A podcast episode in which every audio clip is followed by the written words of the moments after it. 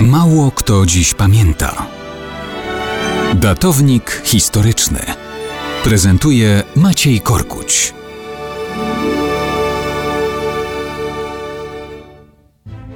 Mało kto pamięta, że wczoraj minęła rocznica utworzenia w 1917 roku ogólnorosyjskiej Komisji Nadzwyczajnej do walki z kontrrewolucją i sabotażem.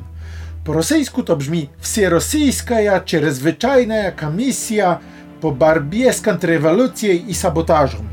W skrócie mówiono Czerezwyczajna Komisja, czyli czeka.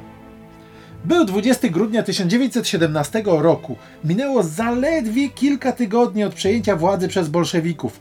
W ciągu następnych tygodni i miesięcy nazwa czeka i miano jej funkcjonariuszy, czyli czekistów, stała się słowem budzącym grozę wśród mieszkańców całego obszaru dawnego imperium carów. Bolszewicy nie bawili się w jakieś podstawy prawne. Komisja była nadzwyczajna i środki były nadzwyczajne. Jej twórcą i pierwszym szefem był Felix Dzierżyński.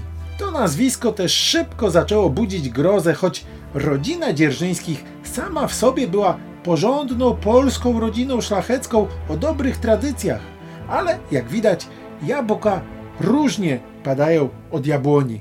Rodzeństwo Feliksa przysłużyło się do walki o niepodległość Rzeczypospolitej, ale sam Felix wręcz przeciwnie. Choć przez pewien czas mógł w oczach bliskich sprawiać wrażenie piękno ducha pełnego miłości dla ludzi i zwierząt.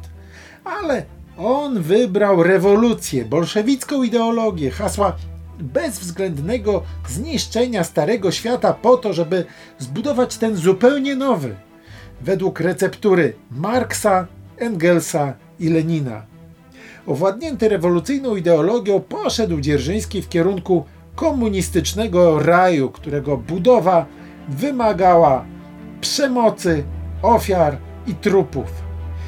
To Dzierżyński przedłożył projekt utworzenia CK 20 grudnia 1917. Wtedy na posiedzeniu Rady Komisarzy Ludowych mówił wprost: Niech wam się nie wydaje, że poszukuje jakichś form sprawiedliwości rewolucyjnej.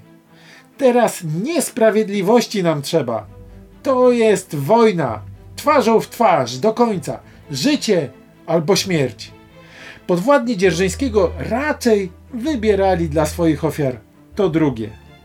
Czekali jej następcy GPU, NKWD, KGB w kolejnych dekadach swój szlak znaczyli milionami więźniów, torturowanych i mordowanych ludzi. I choć nazwy sowieckiej policji politycznej zmieniały się, do końca ZSRR przedstawiciele tych służb mówili o sobie z perwersyjną dumą. My, czekiści.